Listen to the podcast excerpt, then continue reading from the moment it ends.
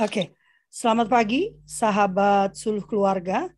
Uh, selamat berjumpa kembali dalam Kultur Parenting Pagi edisi hari Rabu tanggal 30 Maret tahun 2022. Seperti janji kami bahwa hari Rabu minggu ketiga dan keempat itu kita akan fokus pada anak berkebutuhan khusus. Uh, dan pagi ini senang sekali sebetulnya Kultur Parenting Pagi itu digagas oleh beberapa orang gitu ya. Cuman yang beberapa ini sibuk sendiri jadi cuma ada berat gitu ke aku doa ya. Dan Kak Irwan Kak Irwan pun sekarang udah mulai sangat sibuk jadi biasanya cuma muncul namanya doang ya. Sebetulnya kultur parenting pagi digagas oleh Kak Tehyanti eh, Kak Irwan. Ada dokter bagus ya eh, yang sekarang juga sudah sibuk keliling-keliling Kak Trigun. Eh, dan juga dokter Trigunadi. Jadi sebetulnya tim kami ini cukup cukup lengkap Uh, cuma begitu Pak uh, pandemi ini menurun, nah sahabat-sahabat saya ini kemudian sibuk berkeliling ya. Cuman puji Tuhan uh, pagi ini Kak Trigun masih bersedia sharing dengan kita sesuai dengan apa yang menjadi keahlian beliau yaitu anak berkebutuhan khusus. Kak Trigun mungkin nanti juga bisa membantu saya mencari apa. Selamat pagi Pak Adrian, Pak Andrian, salam kenal. Iya, beberapa hari yang lalu saya ke Banjarmasin kan ke Kalimantan Selatan. Jadilah mereka kena racun kultur parenting pagi ya Kak Trigun. Dan uh, apa saya berharap Kak Trigun nanti juga Kak Ika sudah menjanjikan membagikan narasumber Kak Trigun khusus untuk anak berkebutuhan khusus karena minggu ketiga dan keempat kita khususkan untuk berdiskusi tentang anak berkebutuhan khusus ya. Uh, minggu pertama dan kedua tentang kesehatan mental anak ya. Kak Trigun akan bicara sesuatu yang uh, apa namanya sedang tren ya Kak Trigun ya? Uh, sebetulnya ya secara general. Ya sedang tren tapi ini Kak Trigun akan bicara khusus tentang anak-anak anak autis ya. Silakan Kak Trigun Gak usah dikenalin lah siapa Kak Trigun ya. Siapa yang nggak kenal Kak Trigun silakan silakan Kak. Oke, uh, selamat pagi semuanya. Assalamualaikum warahmatullahi wabarakatuh. Uh, hari pagi ini kita akan membicarakan tentang bagaimana mengajarkan anak autis berbicara uh, memang di masa pandemi begini ya, baru baru tuh ketahuan tuh bermunculan tuh ya. Uh, dari mulai yang memang hmm, uh, karena stimulus yang salah gitu ya, karena tidak dimanfaatkannya uh, seribu hari pertama anak gitu. Nah jadi uh, permasalahannya adalah karena seribu hari pertama anak itu tidak dimanfaatkan. Jadi ternyata luar biasa loh seribu hari pertama anak itu. Seribu hari pertama anak itu eh, menyebabkan eh, apakah kupingnya dipakai, apakah matanya dipakai atau tidak, itu sangat penting. Nah, jadi eh, kasus-kasus anak terlambat berbicara, kasus-kasus anak dengan spektrum autisme, kasus-kasus uh, anak dengan kecuekan gitu ya dengan lingkungan diakibatkan karena ternyata stimulus yang kurang tepat di masa uh, seribu hari pertama itu. Nah, jadi uh, eh, 0 sampai 2 tahun itu masa sangat luar biasa berkembangnya apakah dipakai atau tidak, apakah berkembang atau tidak, kemampuan mendengar anak, kemampuan melihat anak. Nah, jadi uh, mata dan kuping, mata dan telinga gitu. Nah, jadi uh, kuping atau telinga atau pendengaran yang tidak distimulus oleh orang tuanya dengan berbagai macam ya, terutama dengan eh, namanya adalah stimulus fungsional. Stimulus fungsional itu adalah interaksi dengan orang di sekitar, orang ya, bukan bukan benda, bukan benda, bukan gadget, bukan TV. Nah, itu itu yang uh, harus diperhatikan karena sering kali uh, seribu hari pertama ini gagal terbentuknya bonding akhirnya lah nah muncullah tuh ciri-ciri cuek, tidak peduli dengan lingkungan dan akhirnya lah berujung pada diagnosa autistic spectrum disorder.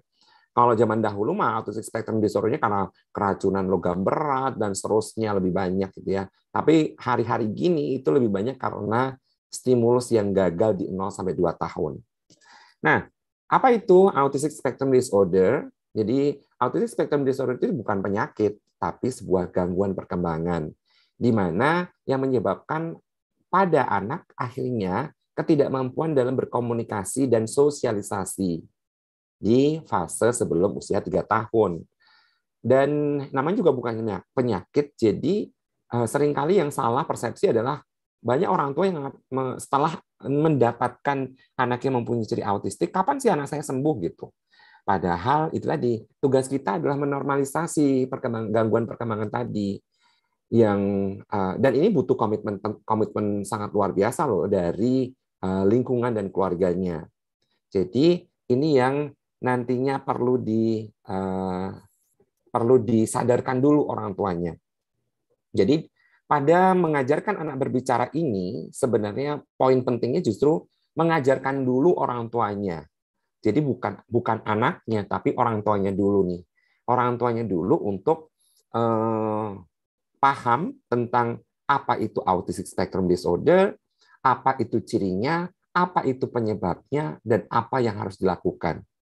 Nah, tadi tuh eh, sebenarnya kalau penyebab autistik itu sendiri tidak tidak diketahui secara pasti tapi faktor resikonya sudah diketahui secara pasti gitu faktor resikonya. Dan eh, kasus-kasus autistik yang zaman dahulu gitu ya, itu lebih banyak karena faktor-faktor yang eh, faktor-faktor eh, resiko yang memang karena bukan kesalahan lingkungan. Jadi faktor genetik, faktor lingkungan, faktor paparan racun, faktor faktor asap rokok, faktor infeksi, faktor efek samping obat-obatan, gaya hidup yang tidak sehat selama hamil kayak gitu. Dan ini nih yang sekarang ini lebih banyak di uh, ditemui pada kasus-kasus autistik yang zaman-zaman sekarang gitu. Yaitu gagalnya fase attachment, gagalnya fase bonding di seribu hari uh, pasca kelahiran atau di dua tahun pertama.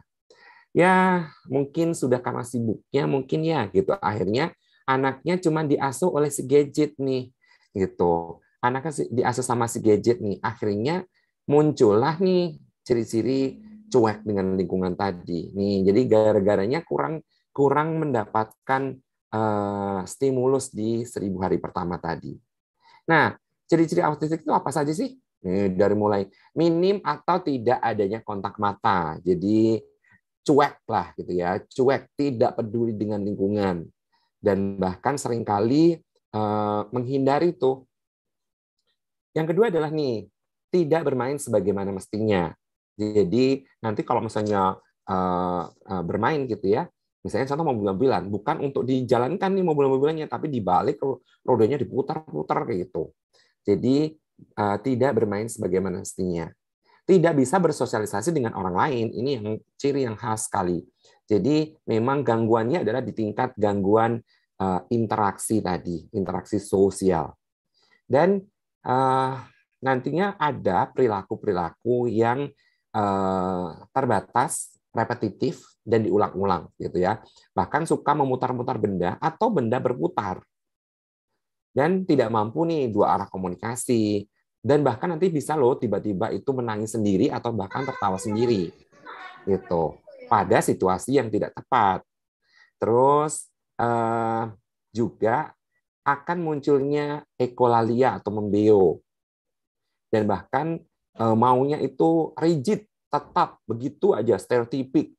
Jadi akhirnya nanti jajan-jajan benda, bahkan nanti benci terhadap perubahan.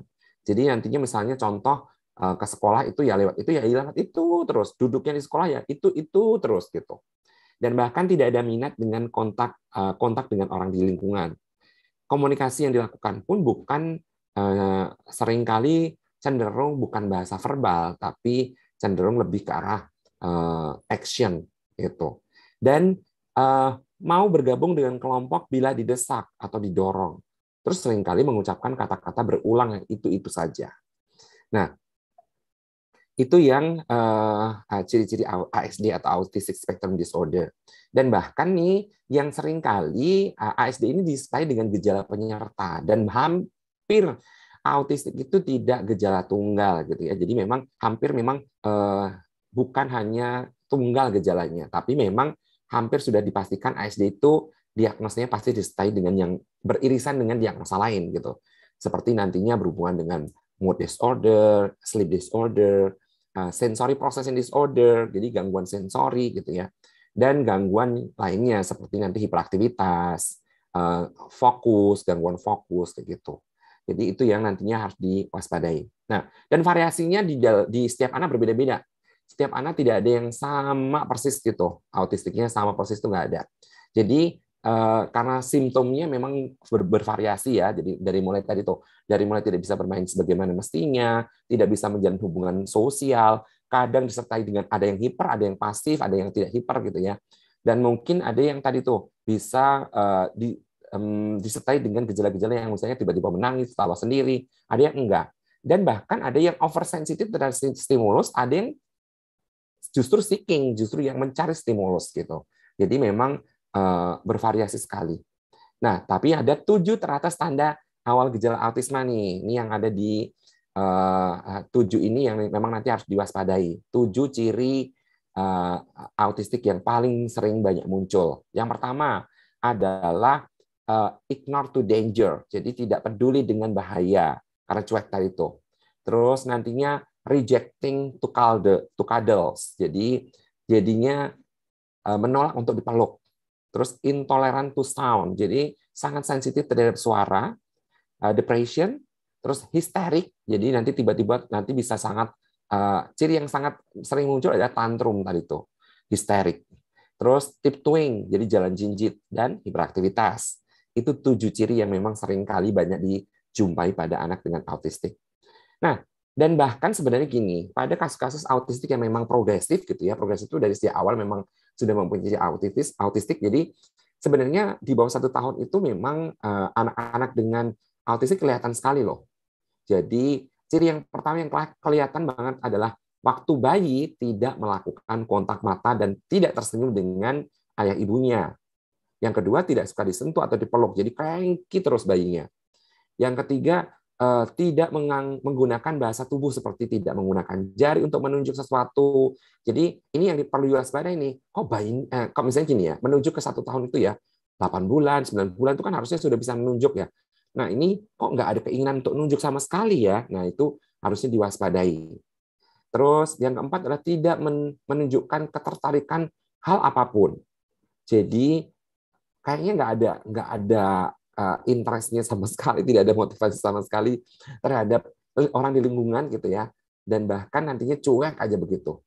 Nah, terus yang kelima adalah tidak berceloteh atau tidak tidak ceriwis gitu ya, tidak ada uh, nantinya kok nggak muncul sama sekali gitu tuh ini yang bercelotehnya. Yang keenam adalah tidak selalu merespons uh, suara. Jadi sering kali tidak terutama nanti panggilan kan suara bundanya, suara ayahnya itu kan sangat dikenal sebenarnya. Tapi sering kali tidak direspon. Nah, itu yang uh, menjadi masalah. Nah, ini adalah fase pertama yang nantinya harus diwaspadai adalah gagalnya joint attention. Jadi gagalnya joint attention atau gagalnya kontak mata itu yang menjadi uh, permasalahan pertama.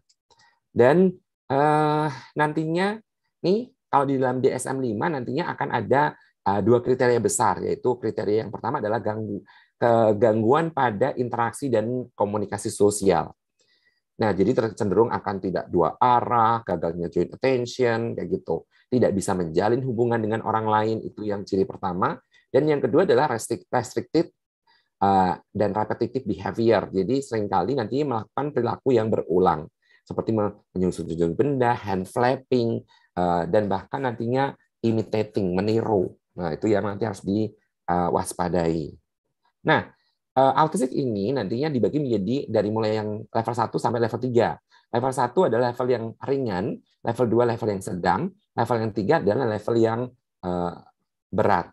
Nah, jadi level ini di diklasterkan atau dikelompokkan berdasarkan pada tingkat keparahan dari yang pertama tadi tuh uh, gangguan interaksi sosialnya, uh, bagaimana berinisiasi dengan sosial sampai ke tingkat perilaku seperti misalnya tantrum, hand flapping dan seterusnya.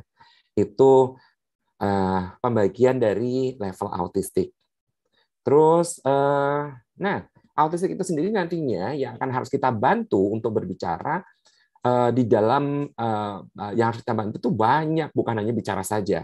Jadi nanti ada lima kelompok besar yang akan harus kita bantu. Jadi dari mulai bahasa itu yang pertama, Yang kedua adalah motor skill, jadi uh, kemampuan koordinasi dari motornya, uh, pergerakan atau uh, motoriknya gitu ya, persepsinya, executive function dan sensori. Nanti ada lima lima yang harus kita bantu pada anak dengan spektrum autisme. Nah, terutama waktu tantrum nih, ini juga penting sekali nih karena sering kali orang tua kebingungan nih bagaimana sih kalau menangani tantrum anak dengan uh, autis gitu ya. Nah, jadi pada kasus anak autis yang uh, tantrum itu yang pertama kita tidak boleh panik. Kita tidak boleh terlihat uh, cemas kayak gitu. Jadi tetap tenang waktu anak tantrum uh, sambil mengenali penyebab uh, tantrumnya. Karena nanti ada penyebabnya ada banyak. Karena mungkin tak dia itu menghindari tugas, dua itu misalnya sensitif terhadap sensori kayak gitu. Jadi uh, kenali penyebabnya. Jadi orang tua harus tahu betul penyebab tantrumnya anak uh, anaknya masing-masing gitu. Yang kedua adalah namanya conscious learning. Jadi akan uh, memberitahukan. Jadi kita harus jongkok sejajar matanya dia, kita akan kasih tahu nih. Ayo kalau mau ini dikasih duduk yang manis gitu. Jadi memberitahukan posisi atau perilaku yang sebenarnya harus dilakukan. Nah, jadi uh, itu yang nomor dua. Nomor tiga langsung ignore. Jadi kita akan hanya tungguin saja. Jadi kita hanya menemani saja. Menemani anak itu meluapkan emosinya. Jadi biarkan dia menangis atau teriak, tapi tetaplah bersama anak untuk menghindari hal-hal yang berbahaya.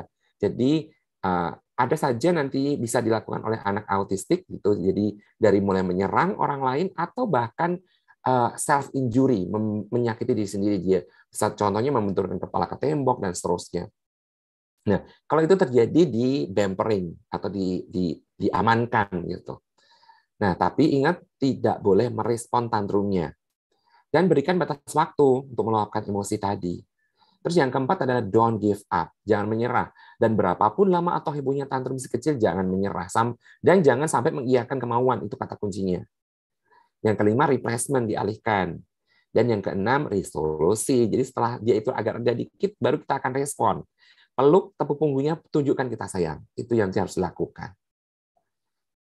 Uh, nah, autistik itu nanti yang paling penting adalah mendivine atau me, mem, menemukan masalah yang terjadi pada anak. Karena setiap anak berbeda-beda tadi, itu yang harus ditemukan pada si anak masing-masing. Itu perlunya assessment.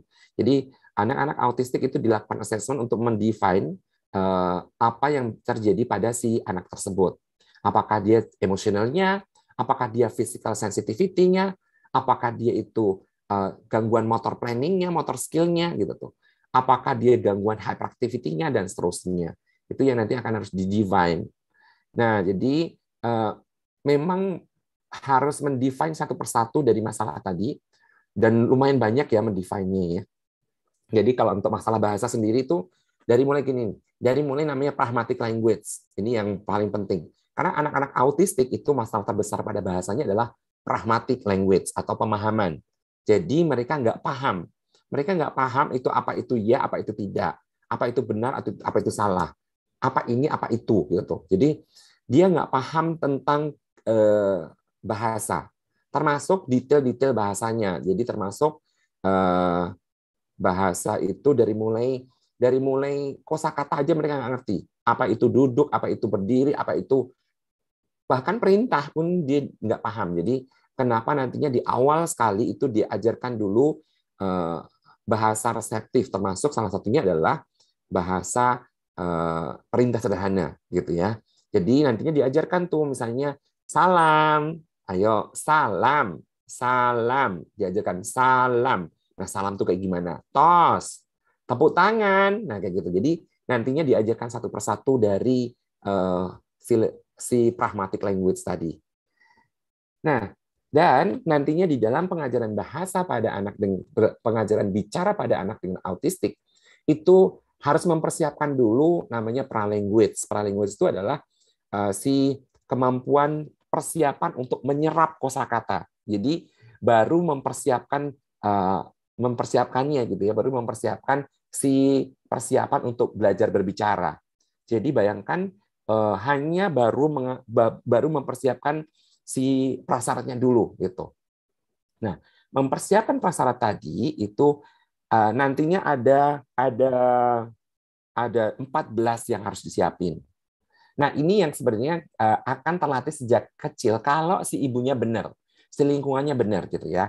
Yang pertama adalah namanya joint attention atau kontak mata atau fokus konsentrasi. Jadi sebenarnya ini dilakukan sejak awal sekali nih, dari mulai saat ibu menggantikan popok gitu ya, melakukan saat ibu menyusui gitu ya. Jadi jangan sampai uh, pas ASI itu ibunya sibuk sendiri gitu ya, tidak melakukan uh, namanya joint attention pada anak, tidak melakukan kontak mata dengan anak. Nah, ini yang kesalahan yang sering terjadi gitu ya. Kalau orang zaman dahulu uh, ngasih ASI ya karena fokus pasangan pada ngasih ASI. Kalau zaman sekarang itu ibunya sambil ngetik lah sambil nonton drakor lah kayak gitu. Jadi itu yang menyebabkan akhirnya jadi anaknya tidak terbentuk yang namanya joint attention tadi. Terus kemampuan looking and listening, kemampuan untuk melihat dan mendengar tadi. Dan ingat melihatnya itu ke, ke bibir, ke mulut ibunya, bukan ke uh, apa siluetnya gitu. Jadi ini yang penting sekali nih karena melihatnya harus ke bibir karena harus meniru bentuk bibir untuk berucap atau berujar. Jadi dan ini nih sering kali yang eh, tidak terlatihnya looking and listening ini adalah karena lupa mengajarkan ciluba. Jadi eh, kalau pernah lihat di YouTube itu ya ada anak namanya Molly dari eh, US gitu ya itu mengatakan bahwa dia meriset tentang betapa dahsyatnya ciluba atau peekaboo gitu. Jadi peekaboo atau ciluba ini itu ternyata luar biasa. Itu uh, uh, can can change the world dia bilang bisa mengubah dunia. Jadi memang ciluba itu sangat-sangat akan luar biasa pada bayi karena akan melatih betul-betul looking and listening.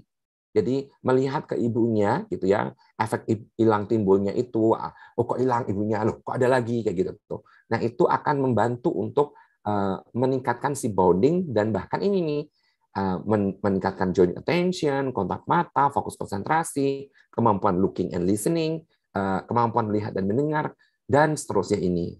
Nah, ini adalah tahapan-tahapan yang ada uh, di dalam pralanguage, di mana akan mengajarkan bicara pada anak.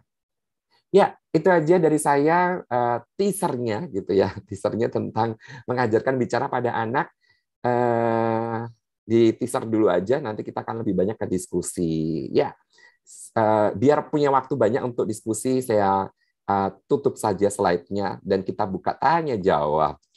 Gitu. Ya, makasih Kak Trigun seperti biasa ya, selalu komplit kayak kuliah kalau sama Kak Trigun.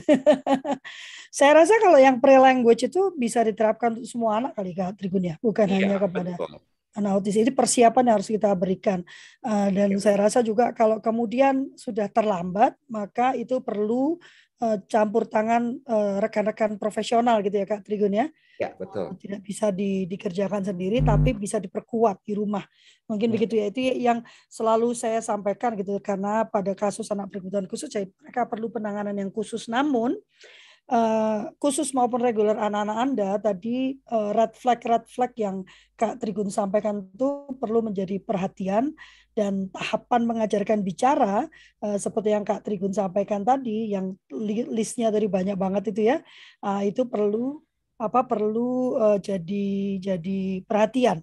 Mungkin bisa jadi apa pelatihan sambil menunggu beduk maghrib ya nanti ya Kak Trigun ya? Bisa. boleh ya? Saya minta ya, waktu nanti ya. boleh nanti ya. Kak, di pelatihan justru akan lebih detail ke uh, apa saja kosakatanya, termasuk yeah. nanti pelatihan kan bisa uh, saya berikan worksheet worksheet jadi gambar-gambar uh, yang harus di karena gini seribu uh, uh, dimulai dari yang pertama kan uh, 10 sampai 20 kosakata pertama, yeah. habis itu 20, habis yeah. itu 200 400 200 sampai 400, habis itu 400 sampai 800. Nah, yeah. urutan kosakata itu kadang orang nggak ngerti nih, gitu apa dulu sih 50 kosakata pertama itu gitu. Nah, itu ada di uh, pelatihan. Ya, nanti kita akan buat sebetulnya di dalam sulung madya Kak Tri, kita sudah punya materi yang namanya uh, kemampuan berbicara ya Kak Trigun ya. ya. Uh, tapi kalau di pelatihan yang kita akan buat ini sambil beduk nunggu beduk maghrib saya rasa ya. Uh, jadi ngabuburit yang lebih uh, lebih bermakna gitu ya.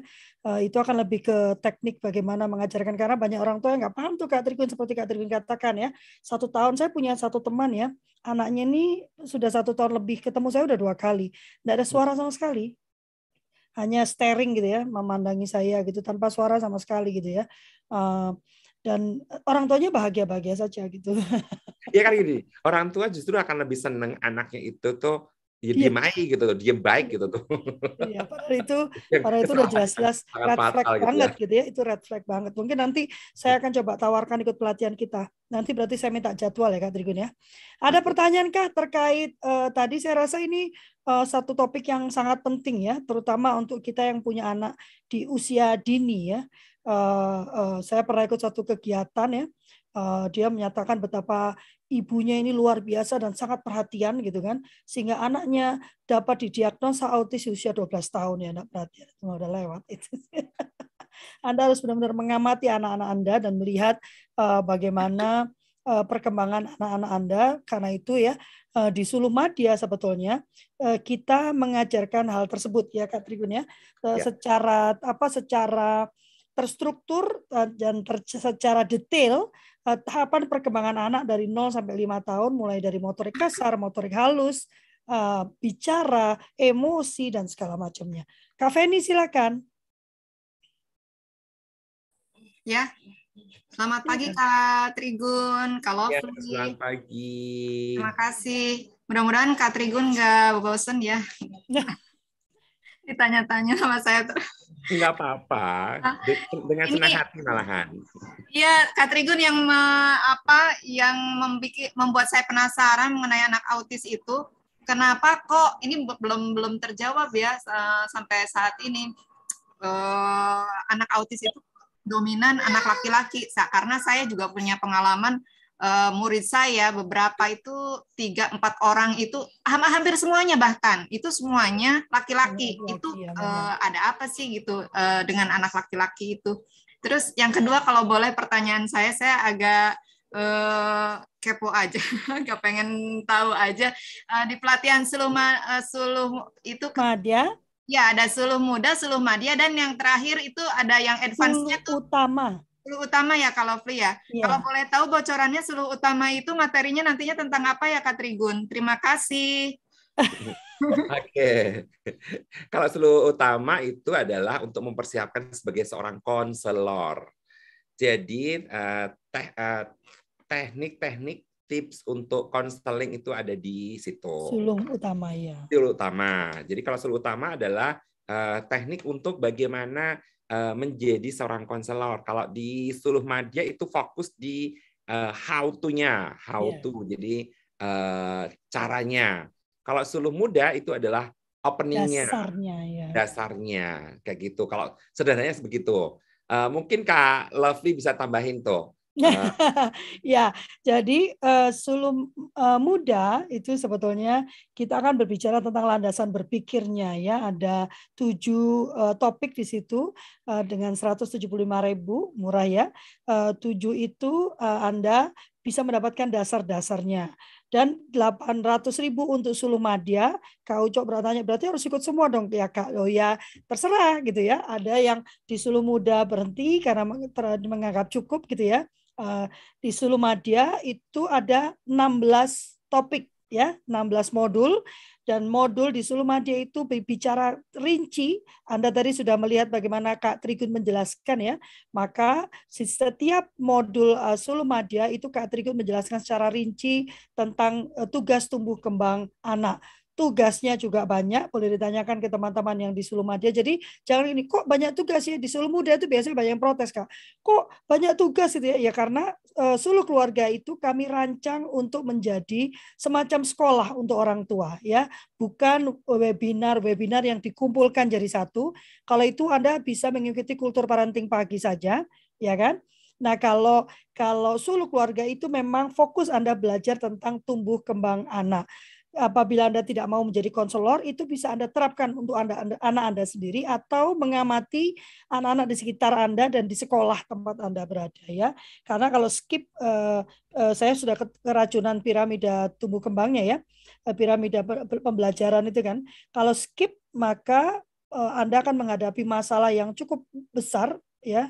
Uh, apa uh, terkait dengan uh, pembelajaran di persekolahannya ya jadi pembelajaran persekolahan itu sangat terkait dengan kesiapan uh, tumbuh kembangnya gitu ya Kak Trigun ya. Nah di Sulu Utama kemudian uh, beberapa yang kemudian tertarik menjadi konselor maka nanti uh, Kak Trigun, Teh Yanti akan membagikan modul-modul ada sembilan modul ya ya Kak Trigun ya masing-masing dari kita ya. membawakan tiga modul sesu sesuai dengan ekspertisnya masing-masing. Kak Trigun akan bicara tentang bagaimana teman-teman uh, bisa memanfaatkan uh, apa namanya Kak Trigun? Tools ya yang sudah diberikan oleh Kak Trigun bagaimana benar-benar menggunakannya untuk melakukan pengamatan pada anak ya. Lalu Kak Tayanti akan bicara tentang bagaimana cara menjadi uh, uh, apa konselor atau menjadi fasilitator karena beliau adalah fasilitator nasional. Saya akan lebih banyak bicara tentang bagaimana kita belajar mendengar, berbicara dan memandu sebagai seorang coach ya. Karena kita sekarang semua belajar menjadi coach, bahkan guru pun uh, di uh, diarahkan untuk menjadi coach bagi anak-anak muridnya, gitu ya. Moga-moga uh, kalau ingin uh, apa bergabung dengan seluruh keluarga atau bertanya lebih lanjut silakan hubungi Kak Deli di 0857 8086 6689. Kalau Anda bergabung menjadi anggota Sulu Keluarga 150.000 per tahun, maka Anda bisa mendapatkan diskon untuk pelatihan-pelatihan tersebut. Di samping itu, kita akan membuat pelatihan dengan Kak Trigun ini bagaimana mengajarkan anak berbicara, ya tahapan bicara anak ya yang lebih detail. Karena kalau di Sulu Madia itu kan tahapan bicara anak satu jam setengah kita diskusikan. Ini bisa kita lakukan selama dua hari ya secara detail ya Kak Trigun, termasuk cara dan berlatihnya maka Anda bisa mendapatkan diskon 20%. Jadi kalau Anda menjadi anggota suluh keluarga membayar 150 ribu per tahun Anda bisa dapat diskon 20 persen. Ayo silakan lagi. Oh ini ada yang mau tanya ya kak? Saya bacakan ya. Belum, ya. Kak, tadi bilang pertanyaan-pertanyaan belum dijawab. Ya ini bentar. Uh, kak Heni. Kak Kalau ini belum belum. Kak, oh kak Kak Heni belum dijawab. Oh sudah silakan. Ya. Oke okay. ya. pertanyaan pertama tadi adalah uh, kenapa kok anak autistik itu lebih banyak pada laki-laki gitu ya. Dan bahkan kan perbandingannya adalah eh, tiga banding satu. Nah, jadi eh, ini berhubungan dengan eh, kromosom, berhubungan dengan hormon, dan berhubungan dengan korpus kalosum.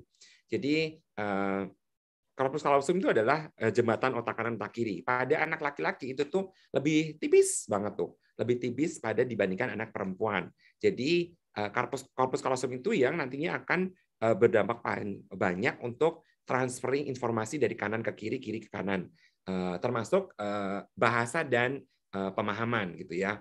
Karena berhubungan dengan bahasa dan pemahaman termasuk tadi tuh sensomotor dan seterusnya. Nah, cuman nih hati-hati, jangan dipikir kalau terjadi pada perempuan itu terjadinya kasusnya lebih parah dan bahkan itu tidak bisa disembuhkan pada anak perempuan karena ini kalau pada perempuan tuh nantinya autistik ya spektrum pada anak perempuan kalau di menurut DSM 4 zaman dahulu itu nantinya dimasukkan ke dalam klaster namanya golongan red, red disorder. Red disorder itu sudah disertai dengan sudah autistik disertai dengan keterbelakangan mental yang berat. Jadi kalau kerusakan pada anak perempuan itu justru uh, nantinya ada namanya hand washing. Nanti kalau lihat anak autistik perempuan yang dia itu tangannya begini-begini gitu tuh. Nah itu disebabkan karena uh, tadi uncontrolled movement. Ini nggak nggak berhenti nih. Diikat baru berhenti. Itu. Uh, dia lepas ikatannya gini lagi gitu sampai di sini kapalan semua tangannya gitu tuh. Jadi uh, uh, jangan berpikir bahwa oh anak autistik nggak ada yang autistik, no ada dan bahkan terjadinya bisa lebih parah gitu. Dan bahkan pada kasus tadi itu red disorder atau red, red syndrome tadi itu, wah itu ada beberapa kasus yang bahkan cuman bisanya gelepar aja. Jadi dia itu kalau kalau udah sampai di klinik itu cuman duduk habis itu gini gitu tuh. Nanti gini-gini ini nanti dilepas. Ini bahkan di sensornya dimatengin pun juga juga tidak cukup gitu.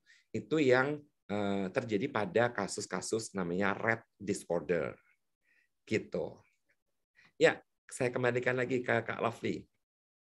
Ya, ini ada pertanyaan lagi. Jadi udah paham ya memang eh, karena kromosomnya tadi saya juga mau menjawab ya. Karena spesifik di X ya kalau nggak salah ya. Mm -hmm. Nah, dia nempelnya di X. Nah ini ya, ada Kak Heni tanya, Kak Trigun maaf saya mau tanya nih, saya baru dapat korban yang autis. Nah bagaimana komunikasi dengan korban tersebut untuk bisa menggali informasi yang diperlukan? Korbannya sudah 21 tahun sih Kak, terima kasih.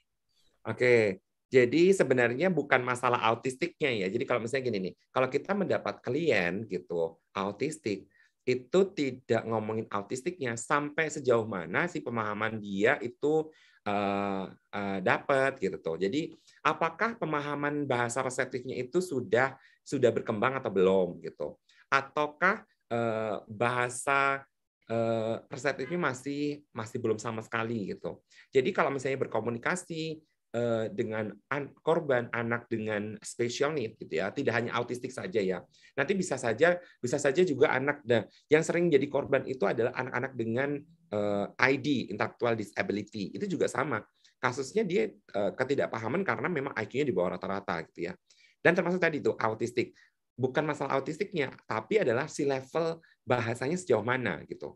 Nah dan memang perlu pendampingan dari konselor ABK jadi misalnya nantinya eh, dari konselor ABK dengan dengan psikolog gitu ya untuk bagaimana berkomunikasi dengan anak ini ditentukan dulu nih gitu. Apakah dia sudah memahami tentang eh, gambar gitu ya? Kalau nanti bisanya pakai gambar ya pakai gambar namanya PEC Picture Exchange Communication System. Jadi menggunakan gambar pertukaran gambar gitu. Jadi nantinya itu yang nantinya akan dibantu sama si konselor untuk menentukan ini anak kemampuan Eh, berkomunikasinya pakai apa, cocoknya pakai apa, dan sudah sejauh mana. Karena nantinya eh, termasuk nantinya waktu di dalam treatment play terapinya itu menggali menggali informasinya juga pakai pakai gambar gitu.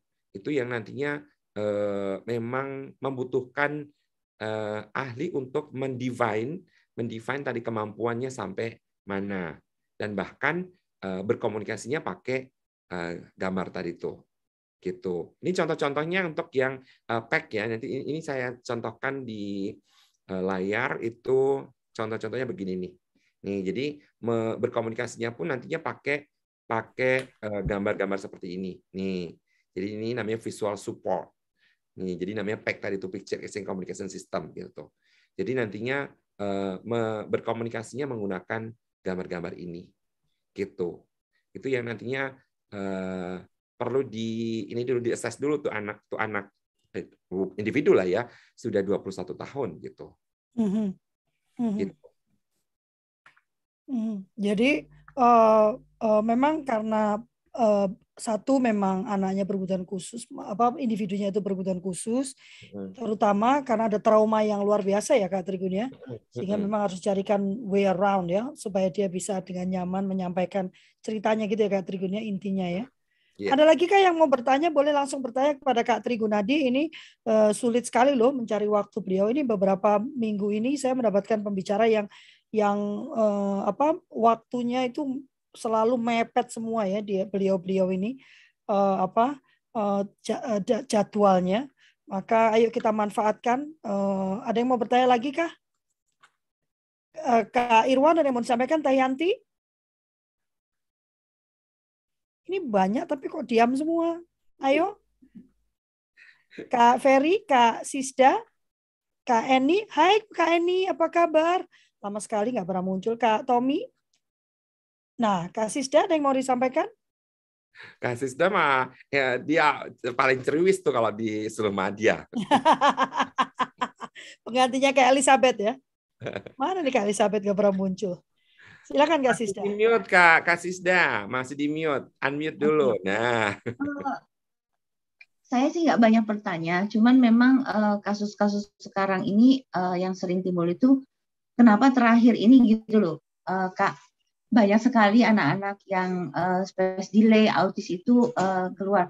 Mungkin uh, Kak Trigun bisa bantu kasih informasi kepada kita gitu loh, yang terutama kita yang sekolah dan punya profesi ini kan agak bingung juga kenapa kok seperti itu. Mungkin ada berita yang terbaik buat kita. Oke, ya. Jadi tadi itu berhubungan dengan yang namanya seribu hari pertama. Jadi generasi-generasi uh, yang sekarang kita lagi besarin itu adalah generasi pandemi. generasi dampak pandemi. Dampak pandemi ini Mbak Covid-nya aja udah ulang tahun kedua tuh Februari kemarin gitu tuh.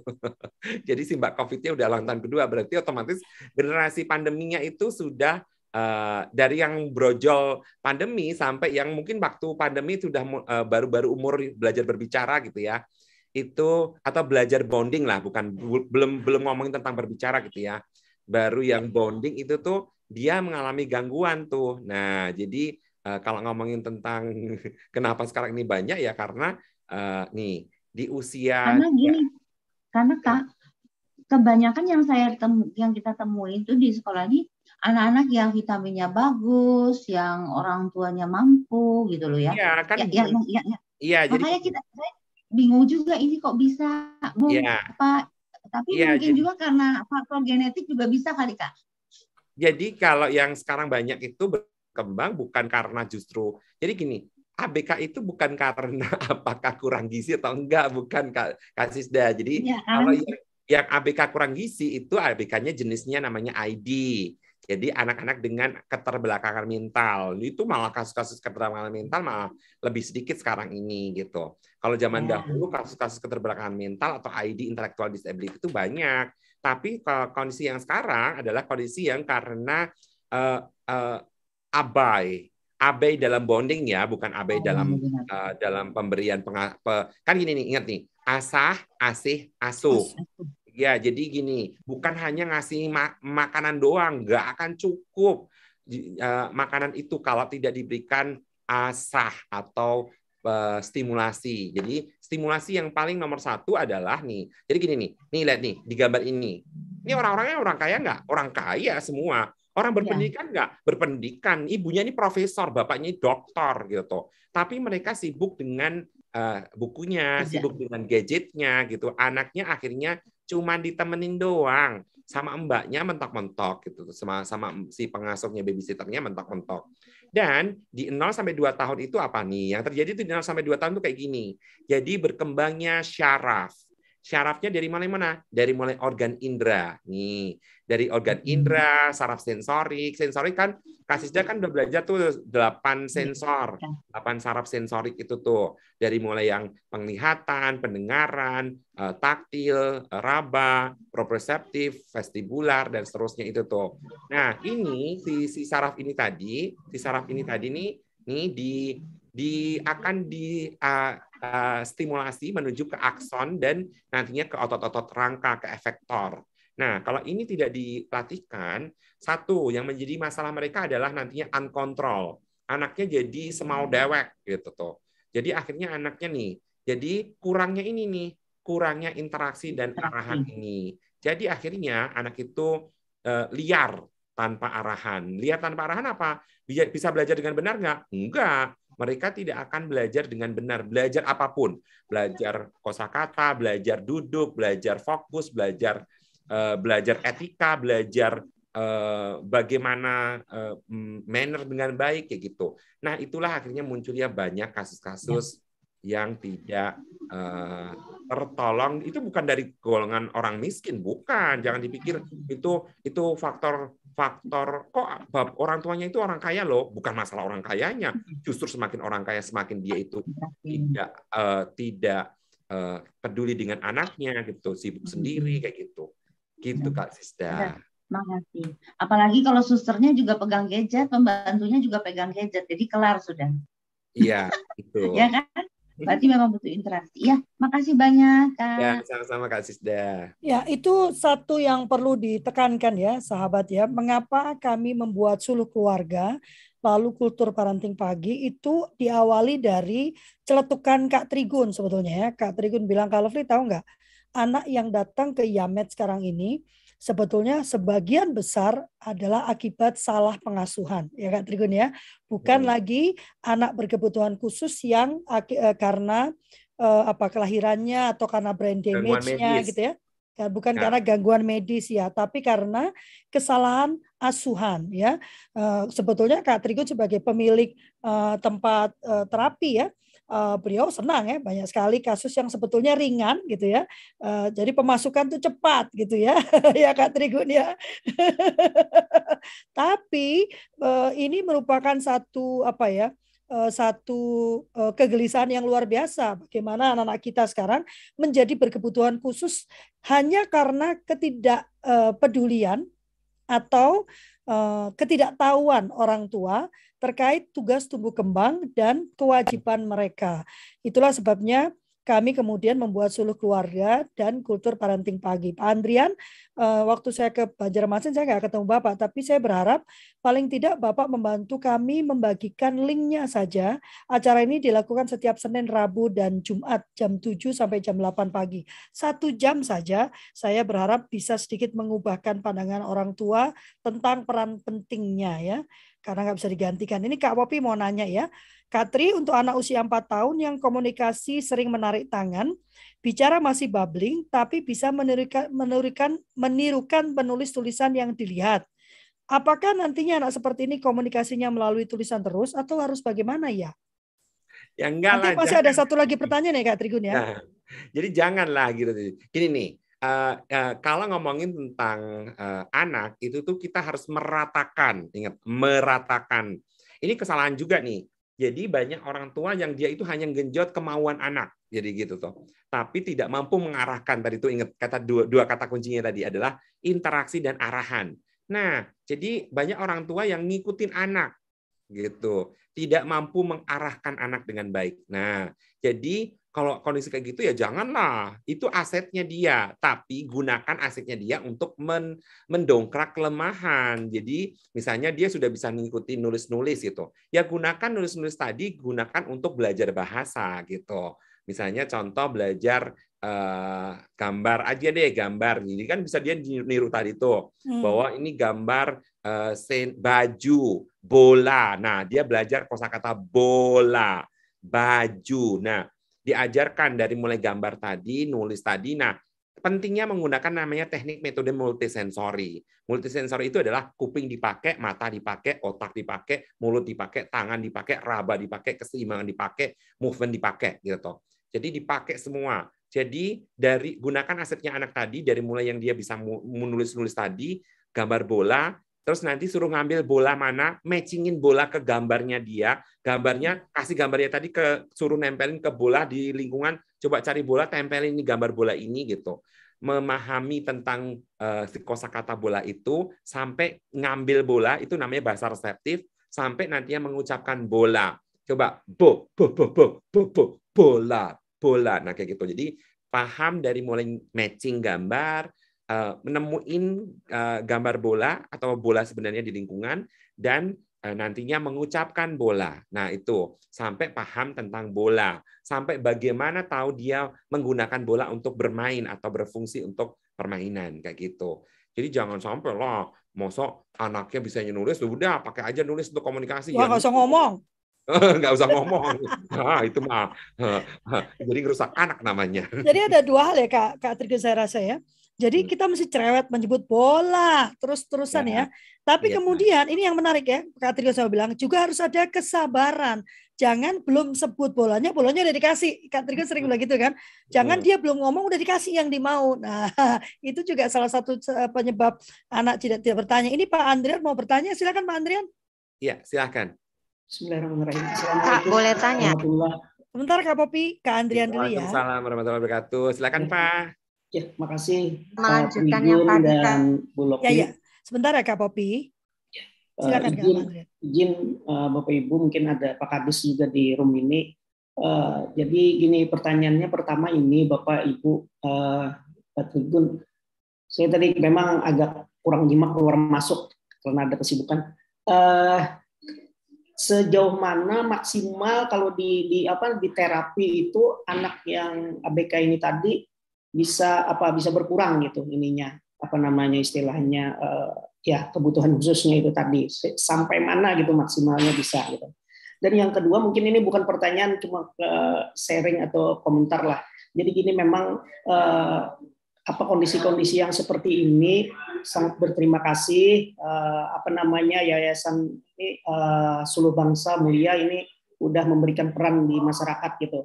Dan yang lebih penting lagi mungkin gini Bu, Bapak uh, berkaitan dengan penanggulangan masalah, misalnya saya analogikan saja mengenai penanggulangan masalah kesehatan itu kan ada namanya promoting gitu, promoting, uh, preventing dan apa preventif dan kuratif gitu ya, promotif, uh, preventif. Nah mungkin promotifnya ini kita kurang terus terang. Jadi misalnya saja kami Eh, kebetulan sudah mencoba melihat apa sih permasalahan yang yang di dalam di masa ini apa di kepada anak-anak ini tapi berada di bawah apa permukaan misalnya contoh kasus diabetes Bapak Ibu itu hampir Eh, banyak eh, masyarakat orang tua dan eh, tenaga pengajar itu tidak bisa atau belum tahu tentang bagaimana kita mengantisipasi diabetes pada anak gitu. Hmm. Nah itu alhamdulillah kemarin kita sudah melakukan dengan Zoom meeting dengan salah satu dokter endokrin mungkin satu-satunya di Kalimantan Selatan, Dokter Indra terima kasih mereka beliau bersedia. Nah, cuma saya share itu terus terang Pak Trigun untuk yang share apa materi itu ke seluruh kabupaten kota di Kalimantan Selatan kepada pokoknya pokoknya semua stakeholder itu yang menghadir sangat minim gitu. Nah itu masalahnya seperti itu. Iya. Itu yang saya terus terang saya sebagai apa ya ah, kebetulan bekerja di bidang ini sangat sedih gitu. Padahal gratis tis tis iya. tis gitu. Yes. nah itu. Jadi memang kayaknya mem, mem, nah lalu saya berpikir kayaknya ini memang harus dari keluarga. Nah dengan itu saya sangat berharap pemerintah punya puspaga Trigun Ibu Lokli. Nah, mudah-mudahan nanti uh, bapak-bapak, ibu-ibu bisa menjangkau ke ke mana ke Puspaga tadi, karena Puspaga itulah pusat pembelajaran keluarga di mana setiap pasangan individu eh, yang calon suami istri itu nanti akan ber berkonseling ke sana sehingga mereka mendapatkan seluruh informasi yang harus diketahui sebagai calon orang tua itu. Apalagi tadi diceritakan 270 hari janin ya itu sangat ber, ber, apa, ber, berpengaruh terhadap uh, apa namanya potensi-potensi yang negatif ini tadi. Artinya bisa dihindari. Mungkin banyak nanti kalau saya ngomong itu nggak cukup nih kayaknya waktunya curhat saya gitu. Karena gini walaupun anak kita misalnya dalam kondisi ya oleh dalam tanda kutip sempurna tapi lingkungan kita terdapat banyak yang berkebutuhan khusus juga nanti dampaknya juga tidak bagus gitu ya Mungkin itu salah hilap mohon maaf. Assalamualaikum warahmatullahi wabarakatuh. Waalaikumsalam. Waalaikumsalam Pak Andrian kalau boleh saya uh, share ke saya kontaknya Pak ya. Saya malah berharap uh, justru uh, pemerintah daerah itu punya kekuatan yang luar biasa ya Kak Trigun ya. Uh, ya. karena dia bisa menggerakkan ya menggerakkan uh, apa kontak-kontak di dalam masyarakat. Uh, kalau nanti uh, Pak Tri, uh, Pak Andrian uh, tertarik dan melihat ini sebagai masalah yang besar. Terus terang Pak Kak, Pak Andrian, uh, kultur parenting ini sudah satu tahun ya. Ini tahun kedua kami kerjakan. Pak Andrian lihat hadirnya 27. Padahal link ini saya bagikan gratis. Ya. ya. Ya sedikit mungkin uh, barangkali siapa ada yang udah ada yang kenal dengan Pak Hadi Otomo, mungkin ini berita duka cita. Oh. Beliau Pak Hadi Otomo, ketua Yayasan eh, Bahtera Bandung penggiat konvensi hak anak beliau meninggal dunia malam tadi mudah-mudahan oh, beliau Tayanti Tayanti tahu dan Tayanti ini anak iya iya sudah sudah dikabarkan sejak pagi Pak ya, Hadi, ini Tayanti ini uh, penggerak hak anak juga Pak Andrian Ya. Uh, makanya saya langsung tanya Tayanti kenal nggak? Ya. Kenal ya? Memang uh, ini ya. Uh, salam ya, untuk ya. keluarganya Tayanti ya. Salah. Ya, Kita salah. sering kerja bareng kok dengan Batra. Oh ya. Oke, okay, Pak Andrea nanti saya minta kontaknya ya. Eh, nanti kita diskusi lebih lanjut bagaimana kita bisa menerapkan ini. Saya sangat tertarik untuk membuat uh, keluarga ramah anak ya Teh Yanti ya. Kalau ada sekolah ramah anak, saya rasa sudah perlu waktunya kita menggelar keluarga ramah anak karena selalu dimulai dari keluarga. Nanti Kak Trigun pasti harus terlibat ya selain Teh Yanti. Ini ada pertanyaan lanjutan Kak Popi mau saya bacakan atau Kak Popi mau langsung bertanya? Kak Popi? Silahkan dibacakan aja oh, kalau oh, dibacakan aja. Oke. Okay. Kasih kerjaan Kak Popi. Manakah yang lebih efektif? Soalnya sambil mantau anak pertandingan bola soalnya. Oh, Oke. Okay. Mana yang lebih efektif melalui gambar atau tulisan agar dia mau bicara soal bola? tadi lanjutan yang tadi, Kak. Ya, jadi gini, kita tidak ngomongin tentang mana yang lebih efektif. Jadi kenapa setiap anak itu mempunyai diferensiasi. Dan misalnya contoh deh, gaya belajar aja gitu ya. Oke. Gaya belajar itu setiap anak itu punya diferensiasi meskipun uh, mereka biasanya punya dua dominan gitu, dua dominan. Misalnya ada anak lain itu adalah lebih ke arah kinestetik, taktil, kinestetik dan visual. Ada anak lagi yang lain adalah uh, taktil kinestetik dengan auditori gitu. Jadi apa lebih lebih dom, lebih efektif yang mana itu bukan tidak bisa dipukul rata karena harus disesuaikan per anak masing-masing. Ingat, setiap anak itu unik, setiap anak itu berbeda. Setiap anak itulah perlu dilakukan yang namanya eh, pemberian assessment dari orang tuanya ke anak. Bahwa orang tua harus selalu mengassessment anaknya, dia itu lebih dominan yang mana cara belajarnya taktil kinestetika gitu ya taktil kinestetik berarti ngeraba dan melakukan doing misalnya diajak ke dapur masak nah itu dia lebih efektif gitu taktil kinestetik namanya. Atau tentang visual nih dia harus digambarkan nih harus digambarkan harus diberikan uh, visualisasi atau dengan uh, auditori ini dengan dibuatkan narasi yang nantinya akan direkam dan didengerin misalnya gitu. Jadi apa yang mana itu setiap anak beda-beda gitu Uh, dan kalau kalau ngomongin tentang autistik tadi, nah autistik tadi itu punya karakteristik kembali bahwa anak autistik lebih dominan ke dua hal. Pertama adalah visual dan yang kedua adalah taktil kinestetik. Anak autistik buruk di auditori. Jadi sering kali nantinya yang akan ditreatment justru auditori nih. Jadi menyanyi, diajak bicara, bukan hanya sekedar Kenapa kalau anak anak autistik dibuang TV dan gadgetnya karena yang harus dibanyakin adalah interaksi dengan orang tua yang berhubungan dengan suara dan taktil kinestetiknya kayak gitu. Jadi uh, yang jelas kalau setiap anak beda-beda, uh, tidak bisa dipukul rata. Harus diakses dia yang mana nih, apakah visual, apakah taktil kinestetik, apakah si auditori. Nah, uh, uh, dan sesuaikan dengan si kemampuan atau gaya belajar si anak itu. Dan harus tahu, jangan sampai nggak tahu. Jadi kenapa kita harus melakukan assessment pada anak kita dengan baik dan harus meng-apply si tadi potensi gaya belajar si anak kita dengan cara yang mana gitu. Ya, uh, menariknya sebetulnya dalam tugas tubuh kembang anak itu sahabat tidak bisa mencomot satu-satu gitu ya Kak Trigun ya. Karena kemampuan bicara terkait mengajarkan kemampuan bicara terkait dengan gaya belajar, terkait dengan uh, apa uh, gaya berpikir, terkait dengan motorik kasarnya gitu. Uh, makanya uh, semua aspek tentang tubuh kembang anak itu sesuatu yang penting untuk dipelajari begitu ya. Uh, Kak satu lagi ya karena menurut saya ini sangat menarik ya Kak ya. Hmm. Mohon maaf ya, satu aja terakhir nih ya. Uh, memang jam terakhir jam 8 lebih 7.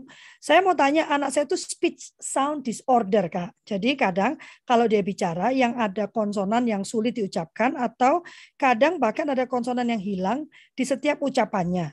Bagaimana cara melatihnya ya? Oke, okay. uh, eh, saya uh, kasih tahu dulu ke yang lain dulu nih apa itu speech sound disorder yeah. nih. But uh, nanti pada uh, yang lain apa itu sih kalau speech sound disorder itu? Oh, Ada lagi gitu ya disorder ya. ya, oke. Okay. Speech sound disorder adalah ketidakmampuan uh, kejelasan dalam berbicara. Ini namanya adalah SSD. Oh. Nah, speech sound disorder. Nah, SSD ini uh, hal yang uh, paling mendasar adalah uh, si anak tidak bisa memproduksi dengan benar diakibatkan karena adanya namanya dispraksia. Displasia itu kekacauan, kekacauan di dalam jalur uh, tadi input uh, sensorik, auditori, visual, kinestetiknya diproses di otak dan dikembalikan lagi ke uh, tingkat uh, gerak oral motornya itu bermasalah. Jadi akhirnya nantinya bisa terjadi namanya SODA, jadi S-O-D-A. S itu substitusi, jadi penggantian konsonan, penggantian, jadi misalnya contoh ngomong merah jadi meyah. Nah, itu R jadi Y itu namanya substitusi. S O O O itu omisi, omisi itu hilang. Jadi misalnya ngomong bola jadi boa gitu, L-nya hilang gitu ya. Atau mobil jadi obil gitu, B um, M-nya hilang. Nah, itu namanya omisi. Nah, D, distorsi. Jadi distorsi itu ngomongnya jadi aneh banget tuh.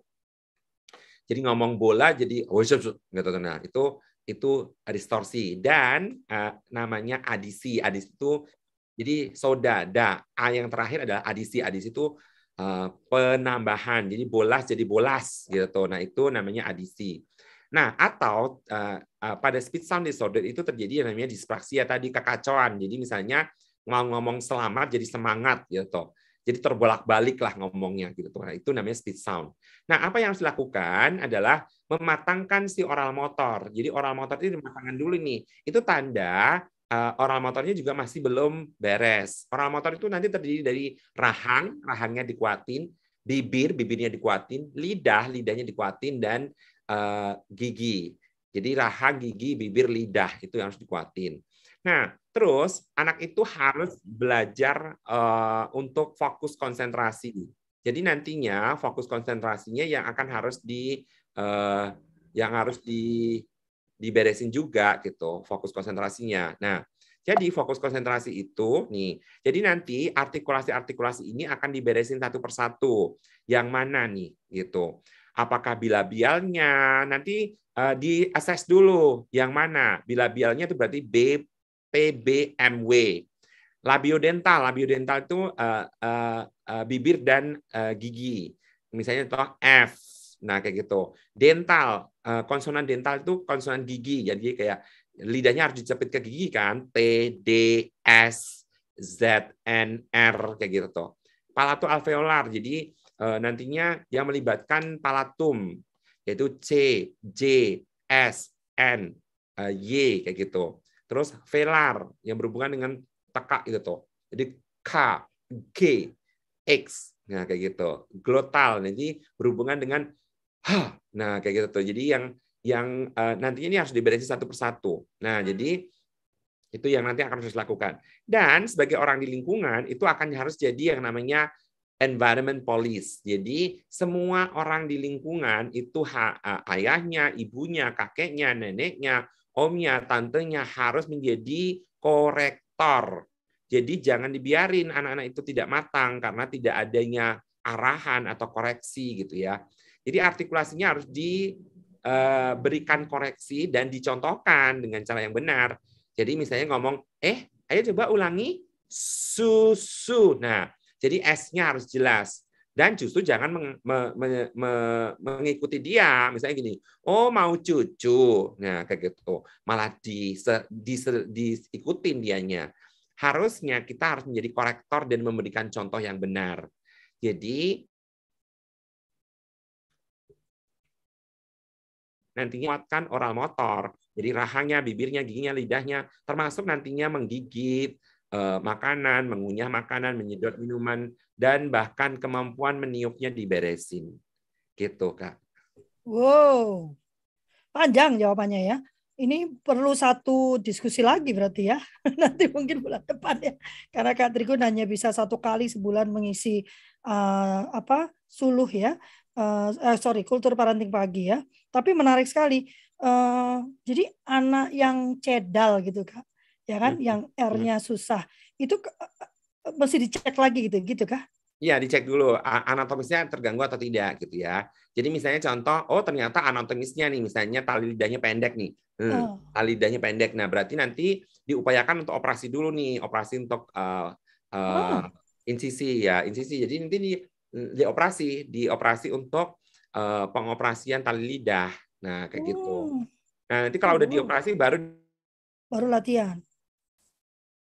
Katrigun ini dilatih karena uh, adanya gangguan anatomis. Jadi yang oh. perlu disingkirkan dulu adalah anatomisnya beres dulu nih, aman dulu nih, nggak ada oh. gangguan nih gitu. Kalau ada gangguan diberesin dulu, baru dilatih. Tapi kalau nggak ada ya udah langsung latihan gitu. Ya, Kak Deli boleh dibagikan lagi uh, uh, apa absennya sahabat yang datang belakangan ya. Sayangnya kami sudah harus menutup acara pagi ini ya. Uh, karena Sedikit pagi ini kita, Hah? Sedikit uh, mengenai itu yang operasi tali lidah, Kak Trigun, dikit aja jawabnya. Mengenai operasi tali lidah itu dianjurkan ke dokter anak atau bagaimana, Kak? Iya, ke dokter maaf, maaf, ke dokter bedah. Ke dokter bedah ya? Ya, uh, jadi bukan dokter anak. Nggak ada dokter bedah, oke. Okay. Jangan diceprot juga ya. Biar panjang. ya ditarik gitu ya. Kan hmm. ada yang bilang ditarik. Kadang orang tua kan suka gitu kan ditarik-tarik. Biar panjang. Aduh. Oke, Ya. oke, makasih. Ya, eh, eh, Kak Trigun mungkin kata Tara nanti eh, eh, Kak Trigun hari ini ada waktu kosong jam berapa? Lovely mau eh, apa? Mau diskusi tentang pelatihan mau kita buat ya? Eh, di aku hari ini saja. penuh sampai Oh, kan? sampai jam 6. Terus Oh. nanti yang su, eh, Sulu Madia hari ini libur dulu ya karena aku hari ini penuh banget. Oh, Jadi sebelum aja jangan- berarti diundur ke hari. Jumat.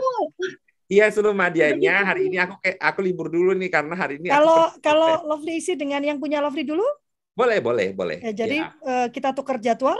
Oh iya iya oke ini Kak Lovely tukar jadwal nih. Jadi nanti eh, Sulu Madia malam ini bukan saya yang ngisi tapi Kak Lovely yang ngisi. Oke. supaya supaya waktunya tetap nggak mundur lagi. Ya, iya, iya. Karena Kemarin sudah satu ya. kali ya.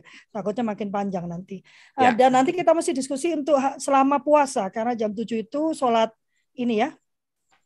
Sholat apa? Sholat uh, Tarawih. kan? Tarawih. Iya kan Kak Trigun? Maka jamnya mesti didiskusikan ya. Ya. Supaya tarawihnya nggak hilang ya.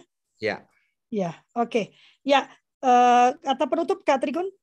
Oke, baik. Em, buat em, Bapak Ibu semuanya gitu ya, bahwa masalah bicara ini sekarang ini masih la- makin banyak kasus-kasus gangguan bicara bukan hanya autistik saja.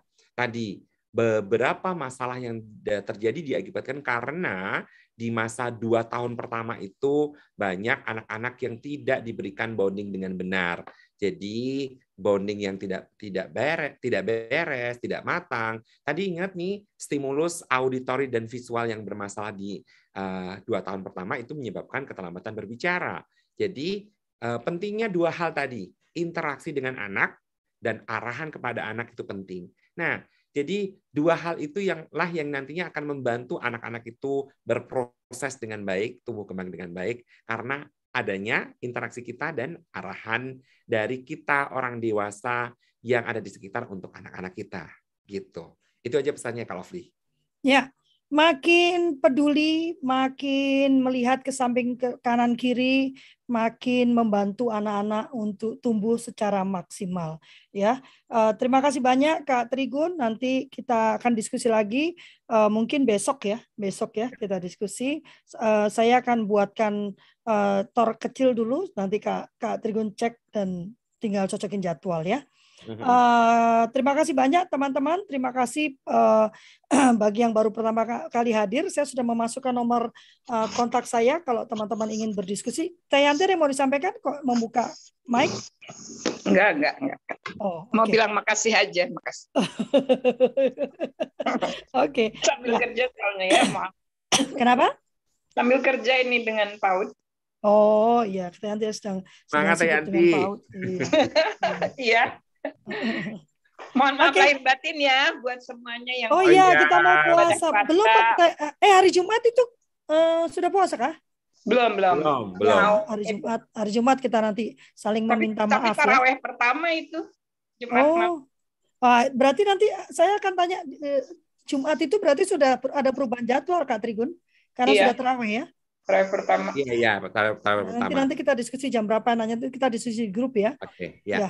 Tayanti hari Jumat pagi bisa mengisi itu minggu pertama tanggal 1. Oke. Ya, oke. Terima kasih banyak dan saya memohon maaf yang sebesar-besarnya apabila ada pernyataan, perkataan, gestur yang kurang berkenan. Kami tidak ingin eh, merendahkan, tidak ingin menghina, tidak ingin menyudutkan, tidak ingin menghakimi dan juga tidak ingin men- menggurui. Kami hanya ingin membagikan apa yang menjadi keyakinan kami dan yang kami kerjakan dalam kehidupan kami sehari-hari. Sampai bertemu lagi di hari Jumat ya.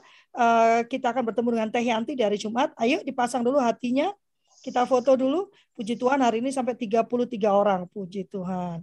Ya, Kak Trigun hatinya ya. Silakan Kak Deli. Oke, halaman pertama udah, bentar. Mhm. Halaman kedua. Satu, dua, tiga. Udah. Oke, terima kasih banyak. Sampai bertemu Ya, di hari Jumat. Ya, selamat menjalankan hari Rabu. Eh, wassalamualaikum warahmatullahi wabarakatuh. Tuhan memberkati. Waalaikumsalam warahmatullahi wabarakatuh. Makasih ya, Dokter Trigun, oh, Kak Lovely. Makasih Kak Trigun. Eh, PPT-nya boleh dijalin tadi terus dikasih ke eh, bagi ke Lovely?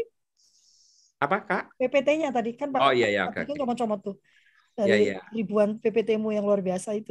Iya ya. ya. Ada tulisan tangan sekarang. Iya. ya sampai ketemu lagi. Yo, uh. Ya.